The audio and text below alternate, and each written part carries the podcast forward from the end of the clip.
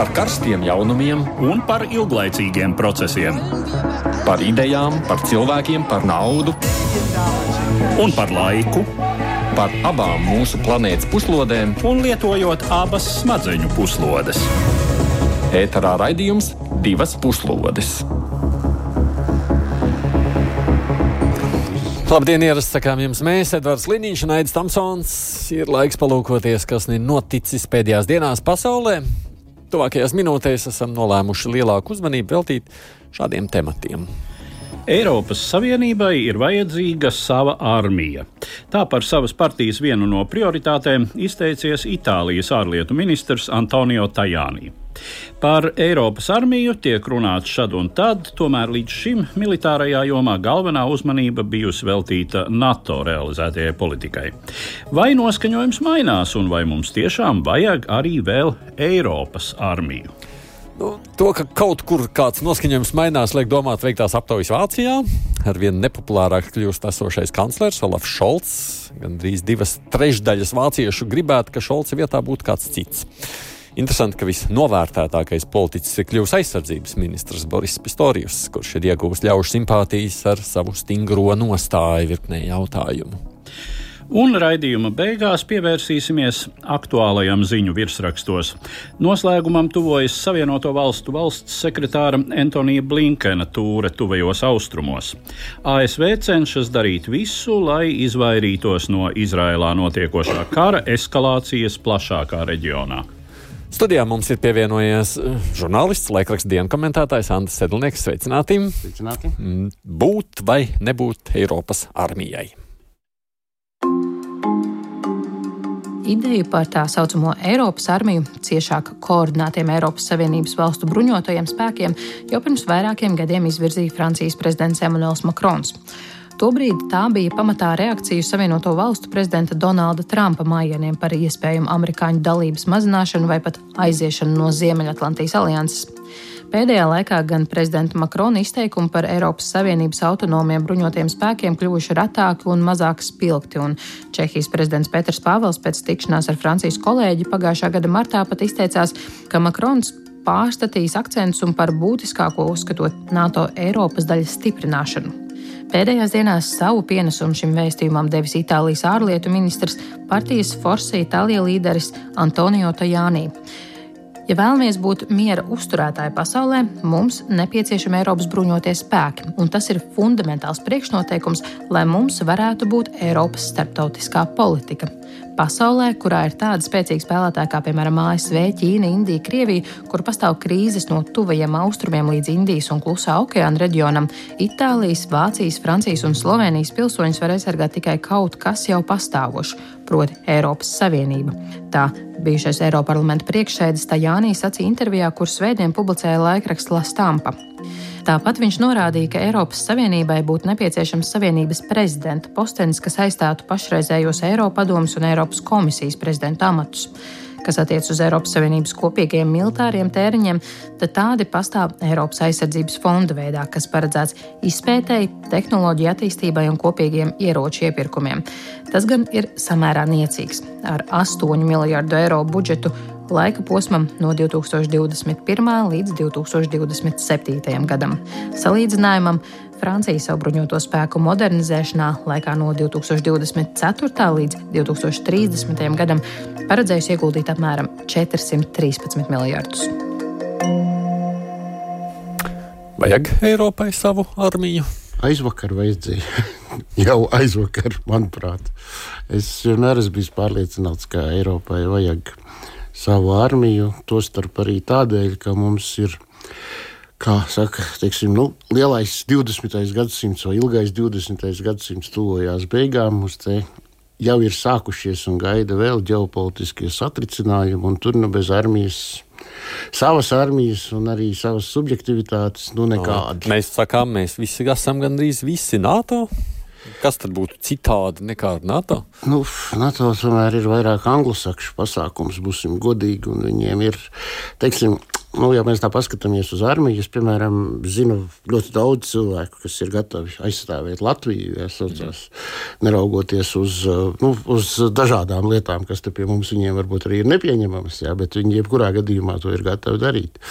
Bet es zinu ļoti maz cilvēku, kas būtu gatavi karot par kaut kādu abstraktu, tur, piemēram, demokrātiju vai vēl mazāk piedalīties kaut kādā karā pret Ķīnu. Ja. Nu, kaut ir noteikti cilvēku kategorija, kuriem tas ir adrenalīns un kuri teikt, to darīs jebkur. Teikt, un, tas, un ja NATO tā teikt, viss augus un viss, ja notiek tā pārorientācija, tad mums te ir jādomā pašiem par sevi vairāk. Jā. Un otra lieta ir, mēs jau nemaz nezinām, kas ar to NATO notiks. Mums gaidām ASV vēlēšanas un tā teikt, un košļājam nagus. ZASV nevar droši paļauties.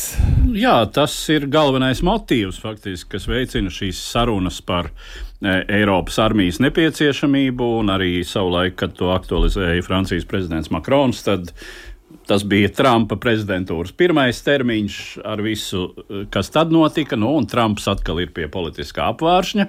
Visnotaļ pamanāms, un kas zina, un pat ja uh, Teiksim, ir, ir arī vēl tāds uh, dramatiskāks scenārijs, par ko arī daži komentētāji izsakās, ka Savienotajās valstīs var notikt uh, daudz plašākas jukas uh, gaidāmo vēlēšanu kontekstā nekā tās, kas bija uh, tātad, brīdī, kad Trumpam bija jādod vara, uh, un viņš to nevēlējās. Tā kā jebkurā gadījumā NATO nelaime ir tā, ka tā tiešām ir nu, salīdzinoši veca organizācija. Tā ir organizācija, kas ir dibināta savulaik eh, augstā kara nosacījumos un augstā kara vajadzībām. Tātad laikā, kad pastāvēja šī uh, globālā pretstāve starp divām ideoloģiskajām un arī sociālo-ekonomiskajām sistēmām, kas bija krasi atšķirīgas eh, un krasi antagoniskas. Uh, sav, pašos savos pamatos un, un vērtību orientācijā un tā tālāk. Uh, un brīdī, kad uh, notika šī padomi totalitārisma sabrukšana, kad tā kā pretinieks izgaisa, tad iestājās šis atslābums, kas, nu, kas iedarbināja to faktiski hipertrofēja Eiropas uztverē to modeli, kā nu, pietiek, ja savienotās valstis uztur savu militāro kondīciju, uztur šos militāros muskuļus, uh, mēs varam atslābināties, jo nu, viss briesmīgais ir aiz muguras. Un Krievija, Krievija tā vairs nav padomju savienība. Nu, jā, nu, teiksim, apmēram desmit gadus pēc, pirmos desmit gadus pēc padomju savienības sabrukuma jau pastāvēja diezgan pamatotas cerības, ka Krievija varētu demokratizēties, civilizēties, nu, un arī teiksim, tai otrajā desmitgadē šīs cerības izplēnēja tikai pamazām. Bet tavs pieminētais sakot par to, ka nu, ne, mēs gribam par sevi, savu valsts domāt, bet ne par citām. Bet tur jau arī tajā Eiropas kontekstā ir runāts par to, ka mēs tur mieru uzturēšanas misijās gribam jā, piedalīties. Tas ir, tas ir tas jautājums, kas ir tas problemātiskais. No vienas puses, dikti vajag, vajadzēja jau sen, jā, saucās, un tad, kad Makrons to runāja, tad tā teikt, tas nebija tā vienkārši no tukša gaisa, tāpēc, ka viņam, nu, lai cik viņš tur gaisīgs arī pats mm. nebūtu, ja, ka viņam tā tajā brīdī iegribējās. Jā. Bet tā otra lieta ir, ka cilvēki ir, tur jau uzreiz parādās radās milzīgi kaudzes jautājums, sākot ar to, kurš maksās. Tas maksā daudz. Vai mēs varam paši, Eiropa, es domāju, šajā gadījumā nodrošināt sev ar ieročiem, bruņojumu un tā tālāk. Mēs no tā, kas notiek, diemžēl, Ukrainā, mēs redzam, ka problēmu ir uh, vilciens un vēl sērija ar vagonetēm piedevām. Ja. Vēl viens jautājums, kurš komandēs, ja, saucās, kurš kuram pakļausies. Ja, jo ģenerāļu ir daudz un visiem teikt, ģenerāļu vietas nepietiek notiks. Jā, jā, te, te nevēl ir šis Tajānī moments, ka, ja, ja, ja ir apvienoti, nu, sāksim ar pavisam fundamentālām lietām. Apvienoti bruņoties spēki ir liels solis virzienā uz faktiski federālu apvienotu Eiropu. Jo šie elementi, ja, eh, kas ir nacionālā valūta, kas mums daļēji ir, -hmm. konstitūcija, kas mē, tika mēģināts tādu radīt, bet viss palika pusceļā, uh, un apvienotie bruņotie spēki, tas jau ļoti izskatās pēc uh, atkal jautājumu par vienoto Eiropu vairs nekā valstu savienību, vai aliansi, bet kā fed, federatīvu struktūru. Tātad, un lūk, tāpēc arī ir runa par šo, nevelti tajā Nīkungs runā par šo Eiropas prezidenta posteni. Uh, jo nu, šādam Eiropas prezidentam ir jābūt tātad, jo bruņotajiem spēkiem Jābūt vajag virspavēlnieku. Tāpat kā Latvijā, prezidents, lai cik mums mazas ir viņa pilnvaras un, un cik, teiksim, tā loma ceremoniāla, bet viņš, tas ir viens no viņa pamatuzdevumiem - bruņoto spēku virspavēlnieks. Mm -hmm. ja? Nu, un kaut kam līdzīgam būtu jābūt arī apvienotiem Eiropas bruņotajiem spēkiem. Nedaudz piebildīšu pie, pie teiktā, tam ir jābūt prezidentam ar spēcīgu leģitimitāti. Nevis kaut kādam vīram, ko ievēl, sazina kas, sazina kur. Ja? Nu, Nē, kā- nu, tā kāds ir leģitimitāte Eiropas jau ir, vai ne? Nē, teiksim, lai būtu tāda uzskatāma leģitimitāte, liksim, iedzīvotāju vairākuma acīs. Jā, Jā, nu, Nevis var- jautājums, kas mums tāda ir Ursula Fonderleja? No kurienes viņa tāda nākusi, kas viņu vēlējas? Okay. Jā, jā, bet nu, ir, ir uh, labi. Uh, es saprotu, ka tu gribi iet tālāk. Bet, Ne, es gribu pajautāt Mehānismi Eiropā, kā šādu leģitimitāti pas, panākt, nu, tie jau pastāv. pastāv. Es gribu pajautāt to arī Nacionālo bruņoto spēku rezerves kapteinim, blogerim Mārtiņam Vērdiņam. Halo, Mārtiņ, pie telefona, vai ne? Klausos, jā. Sveicināti, jā. Ko domājat par Eiropas armijas izveidi? Nu, par Eiropas armijas izveidi mēs laiku pa laiku domājam, jā, jo, jo šis priekšlikums izskan um, diezgan regulāri. Pēc laika, tā reizes divos, trijos gados viņš izskan. Bet, um, diemžēl, tie, kas viņu izsaka šo priekšlikumu, jā, parasti neiet tālāk par pašu priekšlikumu. Jā, nepasaka, kādā veidā viņi to redz, kā to realizēt un kā tas viss kopumā izskatīs. Pēc arī šajā gadījumā tas, ko mēs apspriežam tagad Itālijas eh, saprot, priekšlikumu, ja, tad tur nav, nav pietiekams konkrē- konkrētikas, ko varētu teiksim, preparēt un, un, un, un analizēt. Bet uh, kopumā ņemot, jāsaka, ka ideja nav jauna. Jau 50. gados Francija bija gājusi ar tādu priekšlikumu par kopīgu armijas, uh, kopīgas Eiropas armijas izveidi. Nu, at- atbilstoši tā laika Eiropas Savienības sastāvam.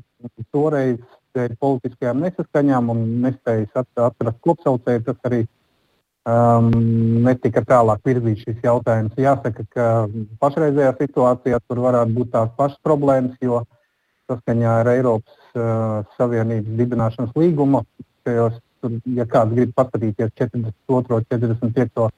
pantu Eiropas Savienības dibināšanas līgumā, ja tur ir uh, sadarbība aizsardzības jomā, ir diezgan detalizēti aprakstīta, bet nu, kopsaucējs tur ir tas, ka uh, šādi lēmumi tiek pieņemti vienbalsīgi. Ja, tur ir vajadzīga vien, vienbalsība nepieciešama.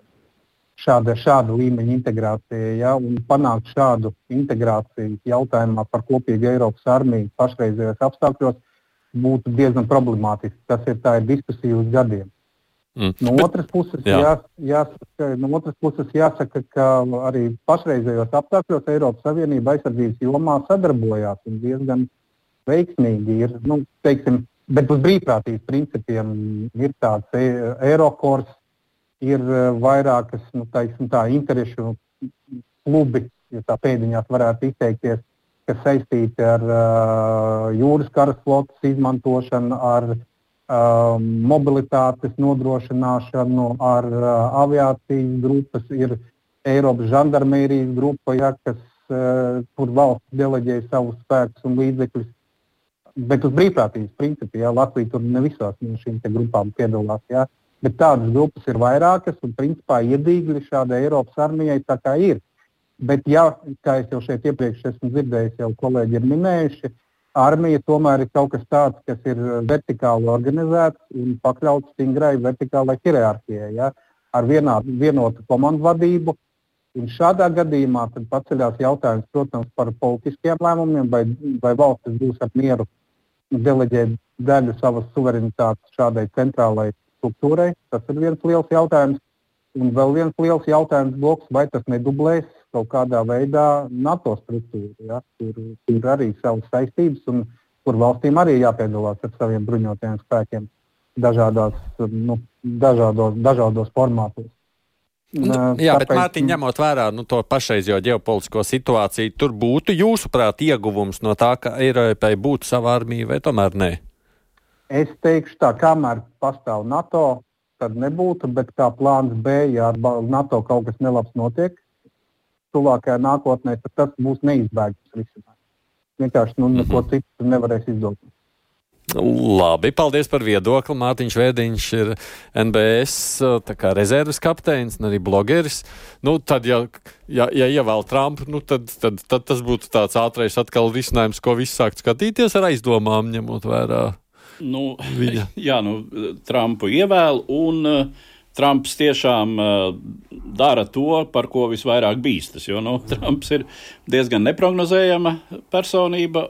Un, uh, Bet nu, tas, ko viņš ir kādreiz teicis, uh, tas jau arī tiek atzīmēts. Mm -hmm. Viena lieta ir, ko viņš izsakās, cita lieta ir, kādi reāli militārie lēmumi tiek pieņemti. Un, protams, arī Savienoto valstu militāristiem ir eh, zināma teikšana šai procesā, vai ne?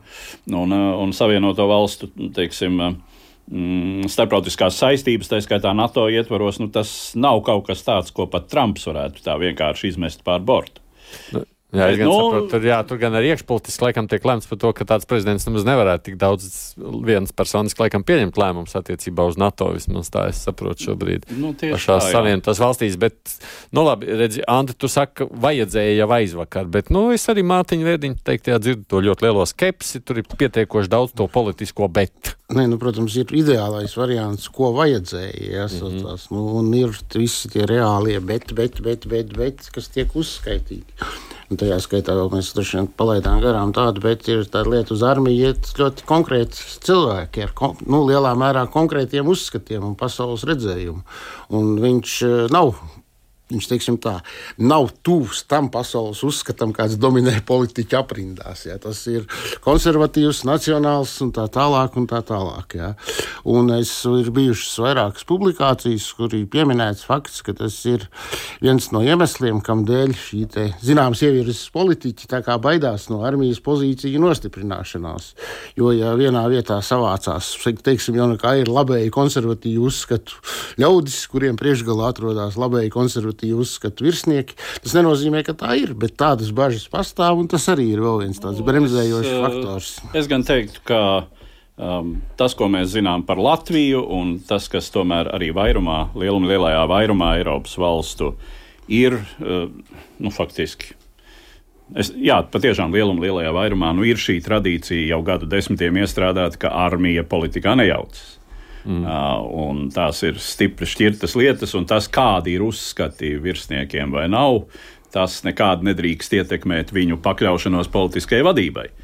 Uh, tā kā nu, šis, es teiksim, arī nepārspīlētu ar domu, ka armijā salasās pamatā Uh, konservatīvu vērtību, tādu tradicionālistisku uzskatu piekritēju. Graudiņa kungs prasa, bet vai tādas Eiropas Savienības pātrinātas sadarbības ietvaros, nu, piemēram, minimums deviņām valstīm, līdzīgi kā ar eiro, tur nav iespējama tāda Eiropas Savienības bruņoto nu, spēku sadarbība? Nu, kaut kas tāds jau notiek NATO ietvaros, kā mēs zinām, šī uh, tā sauktā ātrās reaģēšanas spēku alianse, uh, kurā piedalās uh, Tā tad, ja atmiņa mani neviļ, Lielbritānija, Nīderlande, Skandināvijas valstis, pie kam Somija un Zviedrija tajā iekļāvās jau pirms vēl kļuva par NATO dalību valstīm, un Baltijas valstis, ja, kas ir pamatā domāti tieši tam, lai varētu ātrāk rēģēt uz kādiem apdraudējumiem šai NATO ziemeļu austrumu flangā, Uh,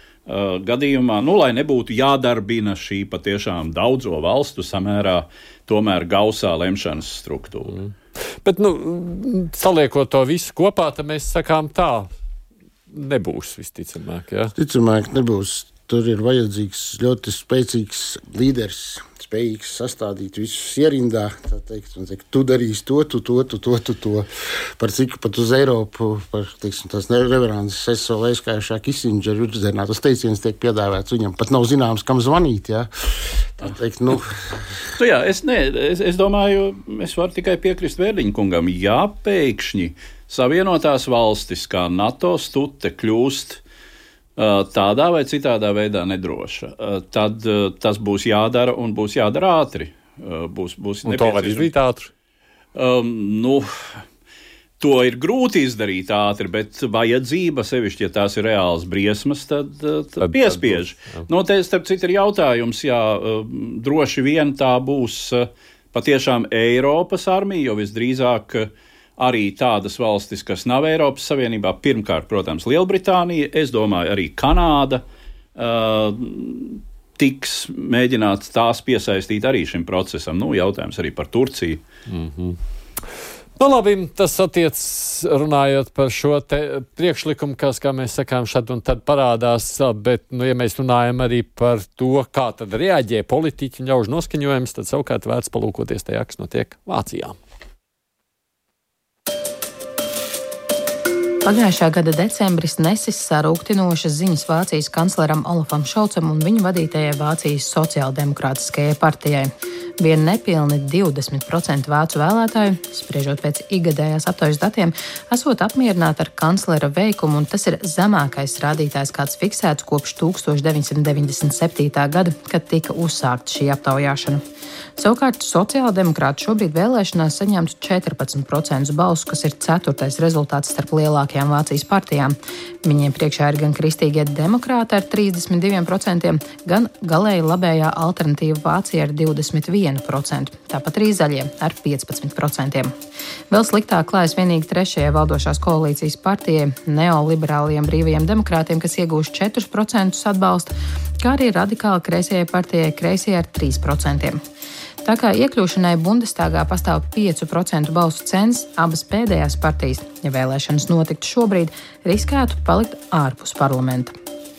Droši vien, ka daļa vainas par pašu un partijas zemajiem reitingiem jāuzņems valdības vadītājiem, kurš ticis kritizēts par pārlieku sausu un izvairīgu komunikācijas stilu.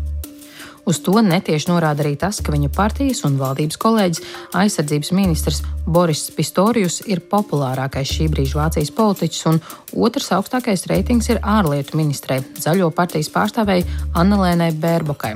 Viņi abi ir pamanāmākie Ukrainas atbalstītāji pašreizējā Vācijas politikas virsotnē. Tomēr nenoliedzams iespējas uz valdības reitingiem ir situācijai, ar kuru šai valdībai nācies tik galā. Tās varas periodu skāra pandēmijas noslēguma posms, kam uz pēdām sekoja Krievijas pilna mēroga karš pret Ukrainu, kas izraisīja nestabilitāti enerģētikas sfērā, inflācijas kāpumu un ekonomikas bremzēšanos. Piedevām visam Šauca kabinets nonācis spiedīgā budžeta situācijā, jo Vācijas konstitucionālā tiesa novembrī lēma, ka īpašais fonds, kuru Šauts vēl kā Angelas Merkels kabineta finanšu ministrs izveidoja vides un modernizācijas jautājumu risināšanai no pandēmijas seku mazināšanai aizņemtajiem līdzekļiem, neatbilst konstitūcijas normām. Vācijas pamatlikums kopš 2009. gada visai strikti ierobežo valdības tiesības aizņemties naudu budžeta deficīta sekšanai. Minētais fonds bija mēģinājums šīs prasības apiet, un tā zudums nozīmē 60 miljardus eiro lielu budžeta robu. Neapmierinātību ar valdības darbu šobrīd var redzēt arī Vācijas ielās un stacijās. Protestējot pret valdības lēmumu samazināt subsīdijas lauksaimniecības sektoram, šodien tūkstošiem zemnieku bloķē ceļus, un no šodienas sāks arī trīs dienu vilcienu vadītājs streiks, pieprasot augstākas algas un mazāk darba stundu. Divas puslodes! Atgādījums studijā kopā ar mums ir laikraksta dienas komentētājs Andris Sedlnieks. Cik svarīgi vispār ir pievērst uzmanību šādiem te, nezinu, socioloģijas skaitļiem.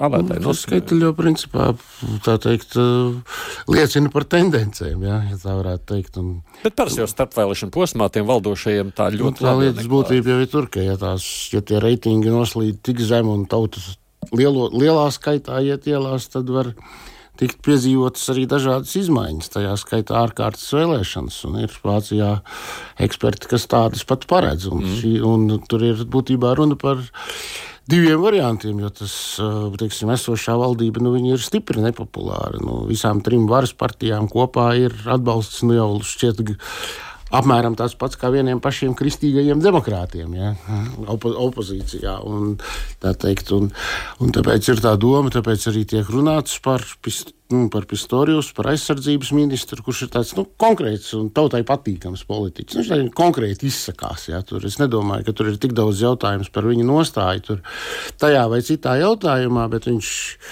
teikt parasti, kad viņam uzdod jautājumu, tā ļoti vienkārši viņš atbild ar konkrētiem vārdiem, mm. nevis ar kaut ko varbūt kaut kādas aizparīt un tā tālāk. Jā. Un, tāpēc, un tas vēlētājiem patīk. Un, un, un tā, es domāju, ka tā idejas būtība ir tāda, ka, nu, ka varbūt var nomainīt, un tas vēl ir cerība saglābt tos, jo, jo, ja ir ārkārtas vēlēšanas, tad tā ir sagrāve. Tā teikt, var tiešām nozīmē sociāldemokrātiem, sagrāva liberālajiem demokrātiem, nu, zaļie vēl turās, jā, bet nu, tas jau ir brīžiem liekas, ka viņi ir gandrīz tā kā sekta. Jā, nu, nē, no, gluži otrādi, es, es teiktu, ka zaļie ir kļuvuši tuvāki, teiksim, kā sekta, kā tāda salīdzinoši radikāla partija. Viņi bija pirms kādiem gadiem 10, 15. Šobrīd, nē, protams, ir, ir uzstādījumi, kurus viņi, no kuriem viņi nekad neatteiksies, nu, kā piemēram, ne atomenerģijai. Ja? Bet Tajā pat laikā es domāju, ka viņi arī vēlētājiem patīk, un man liekas, un nevelti numur divi šai popularitātes sarakstā ir Anna-Lēna Bērboka, ārlietu ministre, kas ir no zaļās partijas. Un, un tā, ka, tā ka tur ir gan privātie aspekti, gan, gan arī, protams, partijas elektorāta atbalsts. Bet pats Šalts saprot, kāpēc viņš nepatīk tautai. nu, gan, jau, gan jau, ka šobrīd viņš intensīvi analizē šo jautājumu, un neba, neba tā, ka viņam nav padomdevēja šai ziņā. Uh, jā, nu viņš ir šis spilgti izteiktais politiķa grāmatveža tips, kas, uh, uh, nu, es atļaušos teikt, līdzīgs ir arī Valdis Dombrovskis, uh, kurš. Uh, kuram komunikācija sagādā, nu, teiksim, uh, ja ne mokas, tad viņam ir grūti saprast tās uh, principiālo nepieciešamību. Katrā ziņā sastatot ar konkrēto darbu, kas ir saliekams uh, tabulās, aprēķināms, uh, kur skaitļi kur skaitļi ir neapstrīdami un, un, un tā tad pilda savu funkciju.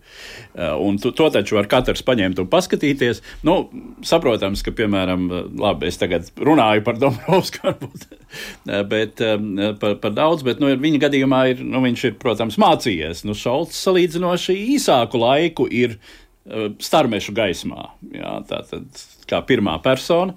Un iespējams, ka nu, ir cilvēki, kuriem ar to komunikāciju tā ir, ka viņi, ka viņi nespēj šajā ziņā sevi, sevi pārlaust un, un, un uh, sākt citādi. Uh, citādi runāt. Nu, mums jau labi pieminētais Dombrovskis, viņš tā arī līdz galam tā ļoti jau savu popularitāti nepazaudēja, bet Šalts bija, nu kā pirms vēlēšanām, taču par viņu balsoja, viņš sociāldemokrātiem bija labi rezultātu. Jā, viņš neko tādu sliktu nebija izdarījis. Vienkārši teiksim tā.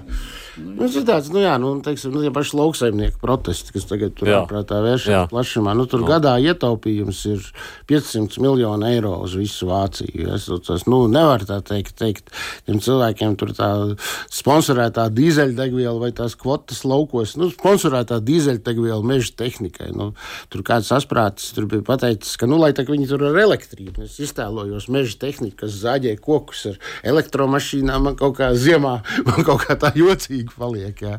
Un šitādas lietas, un tas viss summējās. Jā, un, tiešām tur teikt, un, jā, bija aptauja tikko, jā, 70% vāciešu atbalsta lauksaimniekus. Jā. Nu, tas principā nozīmē arī to, ka viņi neatbalsta Šolcu. Mm.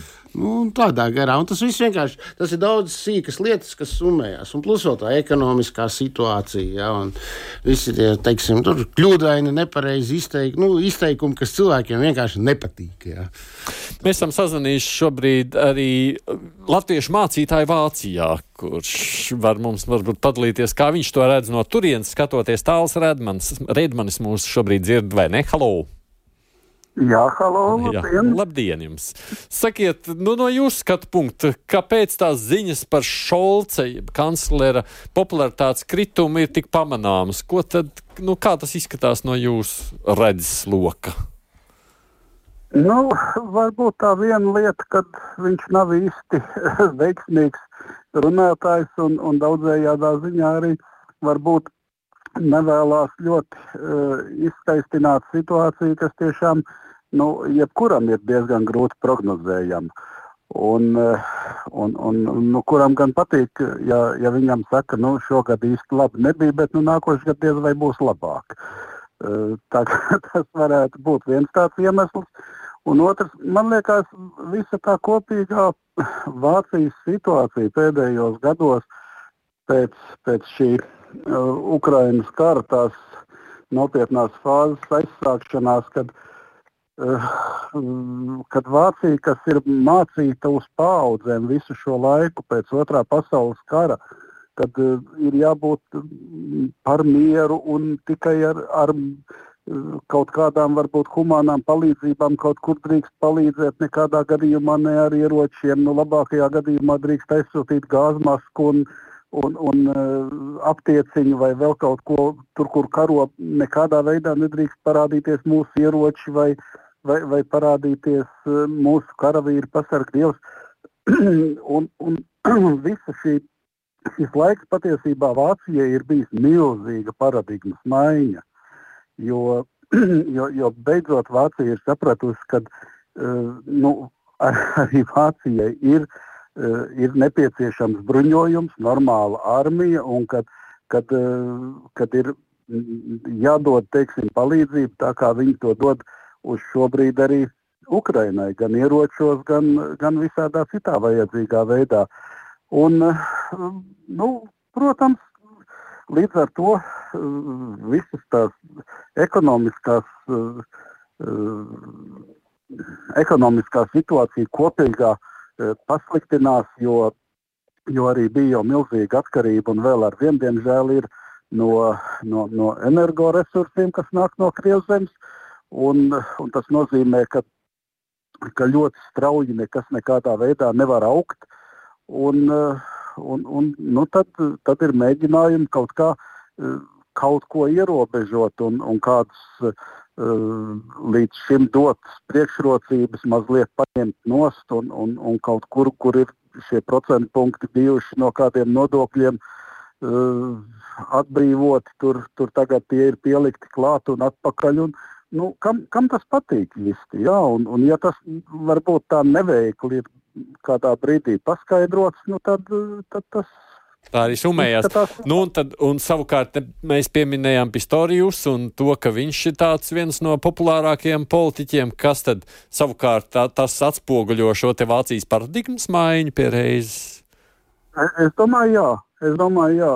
Kad, kad, kad beidzot ir, ir, ir Vācija sapratusi to, ka viņai ir, ir tāpat kā jebkurai normālai zemei jābūt gatavai sevi aizstāvēt. Ihr Anruf wird gehalten. Bitte warten Sie einen Moment. Mums tagad Jā, kaut kas telefona sakaros. telefons sakarās vāciski iejaucās, un tur es vairs neiztulkošu. Tas acīm redzot bija paziņojums par sakaru pārtraukšanu. Kaut kas uz tam pagaida man te saka, ka tagad esot atjaunots. Halo! Jā, Jā, jā, mums kaut kas mazliet pārtrūka. Nu, es sapratu jūs teikto par pistorijus, bet sakiet vēl viens jautājums, kamēr man tomēr ir saruna latviešu valodā. Uh, vai uh, paredzat, ka pat tiešām varētu kaut kas mainīties un ka Šalts vai nu gribot, vai būs spiests atstāt amatu? Mm, es nezinu, tā es, es nekādā veidā neesmu ne, ne iekšpolitikas, ne ārpolitikas eksperts ne Vācijai, ne Latvijai. Un, un, un šādā ziņā es, es neteiktu ne balts, ne melns. Un, un, uh, to, to ir grūti pateikt. pateikt bet, jau... tāda, bet tādas tautas gribēšana būtu uz to, nu jūs just to. Nu, viena lieta, ka tev patīk vai nepatīk, bet otrs saka, nu, nu vajag vienreiz kaut ko darīt. Nē, nu kopā jau tā it kā tas, tas skats uz, uz, uz šo valdību kopumā nav tik negatīvs. Ja? Tā, tas uzsvers tieši, diemžēl, krīt uz, uz, uz premjeru un uz kancleru. Tad, nu, nu, tad viņam tas, tas, tas sitiens ir jāuzņem. Nu, vai tie viņa partneri un, un, un darba biedri būs būs gatavi redzēt, kad, kad ir kaut kāda iespēja kaut ko radikāli mainīt, izmainot personālīs. Nu, kas zina? Kas zina? Nu, labi, to es pajautāšu šeit saviem studijas viesiem. Saku paldies jums, Tāls Redmans, latviešu mācītājs. Latviešu mācītājs Vācijā ne to pogu nospied, kurš, kurš nu, no savas skatu punkta lūkojās, kāds izskatās nu, partija jau arī nevar nerēķināties, vai ne? Arī sociāldemokrāti nevar nerēķināties ar savus nu, nezinu, partijas Jā. popularitātes kritumu, cik tieši tas, tā, kurā tā. brīdī tas vadzis varētu lūst, jeb kas nosaka to lūzumu procentu procesu Nu, to nosaka partijas, pirmām kārtām partijas iekšējā, mm, iekšējā sapratne par notiekošo, nu, tad attiecīgi lēmumi. Uh, tas ir pirms šķiet, ka uh, ikgadējā konference gan bija jau pagājušā gada nogalē sociāldemokrātiem. Mm -hmm. Baidos sameloties, bet manuprāt tā. Uh, nu, tajā brīdī tā tad, uh, situācija vēl nebija nobriedusi tik tālu, ka varētu būt runa par, par kanclera demisiju un nu, tad, attiecīgi kaut kādām personāla izmaiņām uh, vai pat vispār izmaiņām valdības sastāvā. Uh, bet, uh, Jā, nu, tas, tas, ir, tas ir sociāldemokrāta jautājums, un kā jau mēs te konstatējām, viņu situācija ir diezgan neapskaužama. Uh, jautājums, protams, arī ir, uh, nu, uh, kur tās balsis, kas zūd, viņiem ir aizgājušas. Šajā gadījumā visdrīzāk tās ir tikušas tomēr kristīgajiem demokrātiem, atpakaļ, jo šīs partijas nu, Poltuvē. nav ļoti tālas. Viena vien ir labēji centriska, otra ir kreisi centriska. Uh, diezin vai, diezin vai sociāldemokrātu elektorāts intensīvi pārorientējas uz, teiksim, uz Wagenknecht kundzes nesen nodibināto partiju. Uh, bet no otras puses, kamēr mēs vēl pabeidzam šo sarunu, alternatīva Vācijai, kas nozīmē arī partija, kas, kā mēs redzam, audzē un audzē un audzē savu popularitāti, nebūs tā, ka arī ar šo partiju drīz nevarēs tā vairs nerēķināties. Nu, viņiem ir tas koalīcijas ir tik dīvainas reizēm, ka tas, tas, es domāju, ka viņiem kādu laiku vēl izdosies atstāt viņu ārpus borta, bet kas attiecās tieši uz šo situāciju, nu, Šulcs jau pareizi pateica, ka nākošais gads labāks nebūs. Ja? Un, principā, un aiznākošais visticamāk arī. Ja? Un šī iemesla dēļ, nu, ja tu domāji, teiksim, objektīvā realitāte ir tāda, ka lai kas tur arī nenāktu pie tās varas, ja? lai kas tur arī neapsēstos tajā kanclera krēslā, viņš jau neko citu darīt tāpat nevarēs. Jā. Es pieļauju domu, ka no vienas puses kā, nu, tiek apspriestas intensīvi tās iespējas. Jā, mums ir populārs aizsardzības ministrs, un ko nu ieliksim viņu pa kancleru. Jā, nu, sabojāsim. Jā, sabojāsim viņam pirms nākošajām vēlēšanām visu reputāciju, lai vēlētāji vēl mazāk balsot par sociāldemokrātiem. Jā. Mm. Varbūt pirms vēlēšanām pašām. Jā. Tas jau būtu tīri strateģiski, jā, bet nu, tur ir, es nejūtos tik liels Vācijas partiju kombināciju un padarīšanu. Tur jau ir daudz kas atkarīgs arī no federālajām zemēm, federālo zemju vēlēšanām, kur sociāldemokrāti, piemēram, reizēm paliek nu, jau pat piektajās vietās. Eiropas parlamentu vēlēšanas. Jā, tas ir svarīgs. Bet, ja, jebkurā un... gadījumā, ko? Un nu, par Vācijas šī brīža politisko spektru joprojām skaidrs ir tas, ka jebkādas politiskās kombinācijas tikai ne kopā ar alternatīvu Vācijai, kuru Vācijas eh, iekšējais drošības dienests ir nodēvējis par ekstremistisku, nu vai katrā ziņā deklarējis, ka viņš šo partiju uzmana kā ekstremistisku spēku. Bet tā, pabeidzot, eh, no Latvijas skatu punktu lūkojoties, no šī paradigmas maiņa, tas, kas notiek Vācijas šobrīd, tautas noskaņojumā jau ir tikai mm, pozitīvi jāvērtē, ne? Nu, būtu ļoti negatīvi, ja tas tā nebūtu. Tad tas grautu faktiski gan primāri palīdzību Ukrainai, gan visu, ko mēs iepriekš runājām par Eiropas koordinēto un iespējams autonomo aizsardzības politiku un tā tālāk. Un tā tālāk. Šī iepriekšējā paradigma ar Vācijas uh, militārās industrijas, uh, militāra rūpnieciskā kompleksa un arī lielā mērā armijas es atļaušos lietot šo apzīmējumu atrofiju pēdējos 30 gados. Tā ir tā ļoti lielā mērā galvenā problēma, kas, kas šobrīd arī sagādā, sagādā tās grūtības gan palīdzībā Ukrainai, gan, gan vispār šai Eiropas, Eiropas militārās kapacitātes ziņā. Nu, ko, raidījuma beigās mums jāpievēršas aktuālajām ziņām, kas pēdējās dienās ir bijušas mediju pirmajās rindās. Mūsu pagājušajā raidījumā pievērsāmies iespējamiem tuvo austrumu konfliktu eskalācijas punktiem un spriedzi radošajiem spēkiem. Ka šādi scenāriji rada nopietnas bažas Vašingtonā, apliecina fakts, ka ASV valsts sekretārs Antonijs Blinkens šajās dienās jau ceturto reizi pēdējo trīs mēnešu laikā uzturas tuvjos austrumos. Šajā reģiona karsto punktu dzēsēšanas stūrē ietilpst vizītes Turcijā, Jordānijā, Katarā, apvienotajos Arābu Emirātos, Saudarābijā un, protams, Izrēlā. Tajā pašā laikā Savienotajām valstīm jāpanāk vairāku savu reģionu partneru atbalsts iespējamam aktīvākām militārajām akcijām pret Jemenas husītu nemierniekiem, pret ko, piemēram, Katarai ir iebildumi. Kas attiecas uz amerikāņu militārajām akcijām reģionā, 4. janvārī Bagdādē ar lidrobotu palīdzību tika nogalināts viens Irākas šītu militārā grupējuma Allah cēlo partijas kustību vadītājiem Muštaks Talibs Al-Saīdī. Organizācijas kaujinieki regulāri uzbruk Irākā dislocētajiem Savienoto valstu spēkiem. Vizītes laikā Ankārā dienas kārtībā cita starpā noteikti bija iespējams Turcijas ietekmes izmantošana, bremzējot kustības Hezbollah militārās aktivitātes pie Izraels ziemeļu robežām. Sesdien šītu militāristi veica plašu raķešu triecienu pa Izraēlas teritoriju, tā atriebjoties par Hamas līdera Saleha al-Aurūrī nogalināšanu Libānas galvaspilsētā Beirutā, kas diezgan nepārprotami ir Izraēlas roku darbs. Tomēr pat ja Turcija vai pat Irāna būtu gatavs atvēsināt Hezbollah cīņas sparu, tad, kā liecina Izraels valdības pārstāvju izteikumi, viņiem varētu būt padomā jau tuvākajā laikā izvērst nopietnākas militārās operācijas pret šo organizāciju Libānas dienvidos. Un, protams, valsts sekretāra Blinkena vizītes degpunktā ir karš Gazā. Nu pat Izraels aizsardzības ministrs Jovs Galants ieskicējis plānu Gazas liktenim pēc kara darbības beigām. Izraela uz nenoteiktu laiku plāno saglabāt šeit militāru kontroli, tāpat kā līdz šim kontrolēt preču plūsmu un darīt visu, lai izbeigtos nelegāla ieroču un cilvēku kustība pāri robežai ar Ēģipti.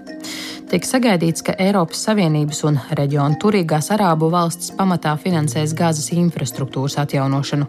Pēc visas spriežot, Izraela tuvākajā laikā negrasās nodot Gazas joslas administrēšanu Jordānas rietumkrastā dislocētajai palestīniešu pašpārvaldē, ko vēlētos ASV, bet gan grib veidot Gazas pašpārvaldu uz vietējo kopienu pārstāvniecības pamatiem.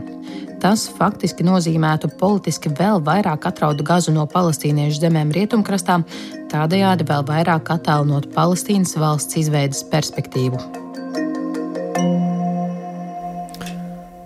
Varam vispirms izdarīt kaut kādu rezumē no tām daudzajām sarunām ar Blinkenu, kas ir notikušas? Nu, es teiktu, ka būtībā īpaši daudz skaidrāks tur nekas nekļūst. Ja? Tostarp arī tādēļ, ka tā teikt, tām reģiona valstīm nav īsti saprotams, ko ASV valsts sekretārs pārstāv, un viņām nav garantija, ka jau nākošajā dienā sit augstā ASV amatpersona nepaziņo kaut ko citu.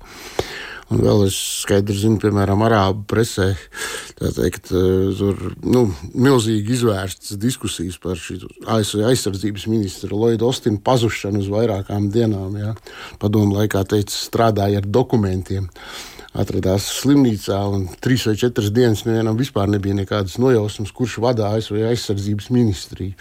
Un tas viss kaut kā. Nu, kaut kā, kaut kā nevieš tur optimismu, cik, var, nu, cik nu es tur palastos kaut kādas tur arābu preses, tur rietumu versijas, nekāda optimisma viņi tur neizjūt attiecībā uz ASV un kā. Tad kāda jēga braucieniem? Nē, nu, tas, nu, tas nu ir pārspīlējums, ka tur nav skaidrs, ko pārstāv Savienoto valstu valsts sekretārs. Skaidrs, ka viņš pārstāv Savienotās valsts starptautisku šo administrāciju un um, pieminēts jau daudzkārt, ka Savienotām valstīm ir gan ļoti nopietna militārā klātbūtne reģionā, ar kuru tur neviens nevar nerēķināties. Tā izskaitā uz sauszemes, ne tikai jūras spēki.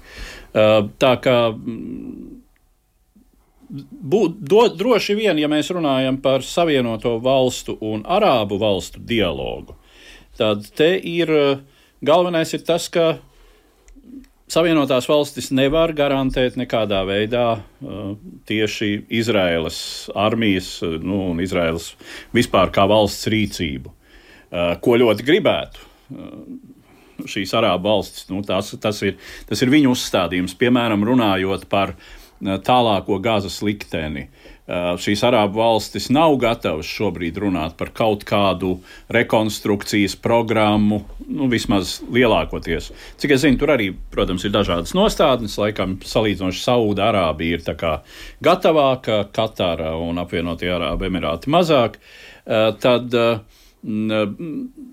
pirmais uzstādījums ir Izrēlai ir jāizbeidz militārās operācijas, ir jānoslēdz pamieris, ir strauji jāuzlabo humanā situācija, un tikai pēc tam mēs sāksim runāt par kaut kādiem nākotnes plāniem. Izraela to negrasās darīt. Nu, Izraela to negrasās darīt līdz brīdim, kamēr viņi nebūs sasnieguši savus militāros mērķus. Nu, jā. tas ir pilnīgi skaidrs. Vienkārši, ko nozīmē mm, tur aicinājumi Izrēlē, nu šodienas rīt no rīta lasu ziņu, tātad mēs aicinām Izrēlē neļaut nodarīt kaitējumu palestīniešu iedzīvotājiem. Nu, tāda galvenā ziņa pēc sarunām ar Izraels premjeru. Tāds tukšs frāzes. Sāksim lietas īstajos vārdos. Neko.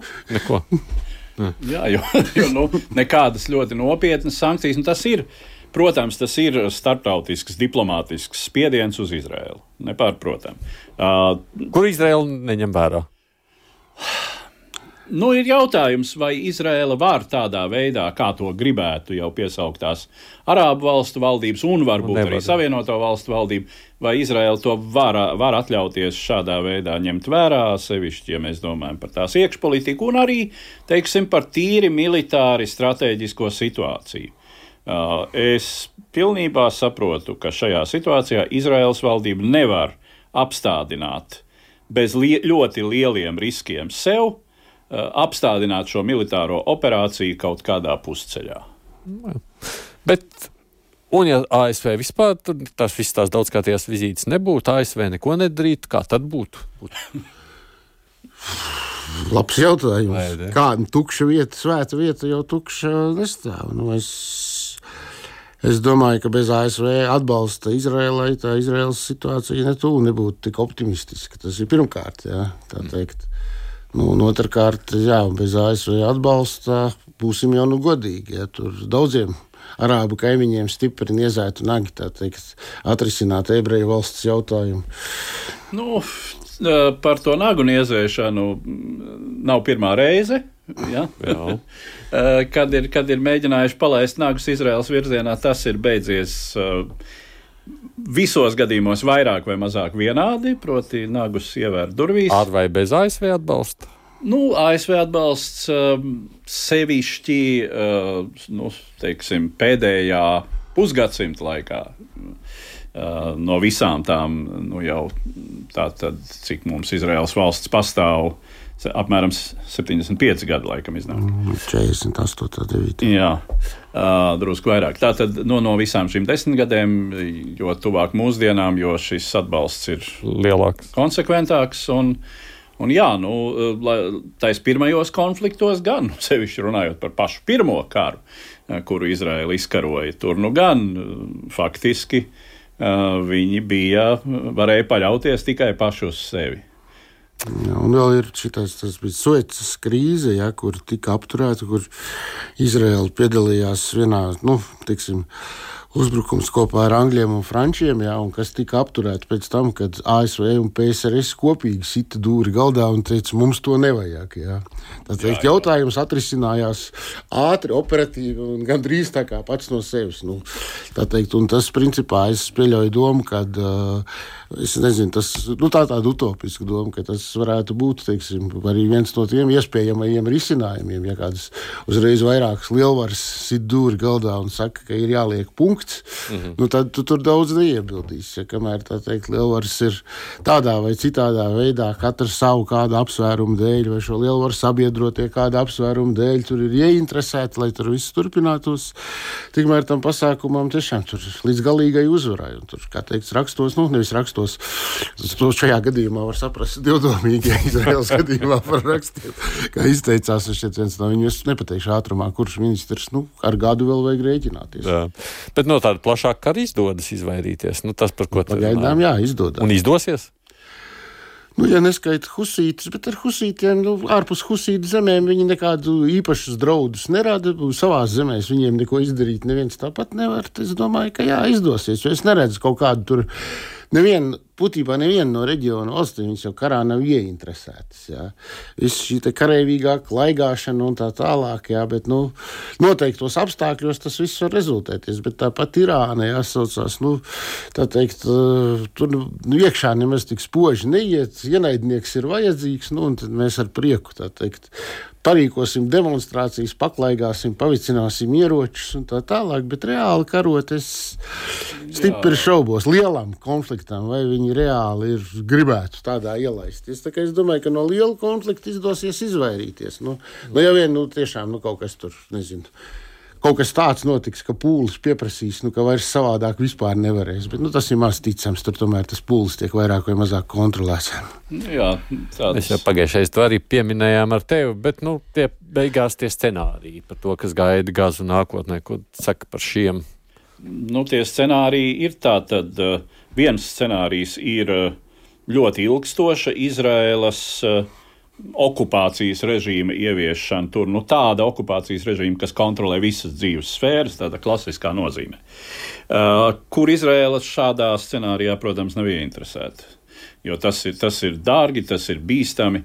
Uh, nu, tas optimistiskais scenārijs, kuru vēlētos Izraela, ir, uh, ka Izraela izveido šeit tādu vietējo pašvaldību, kas nav vismaz pagaidām tieši saistīta ar uh, abā, uh, Mahmuda Abās valdību Jordānas rietumkrastā.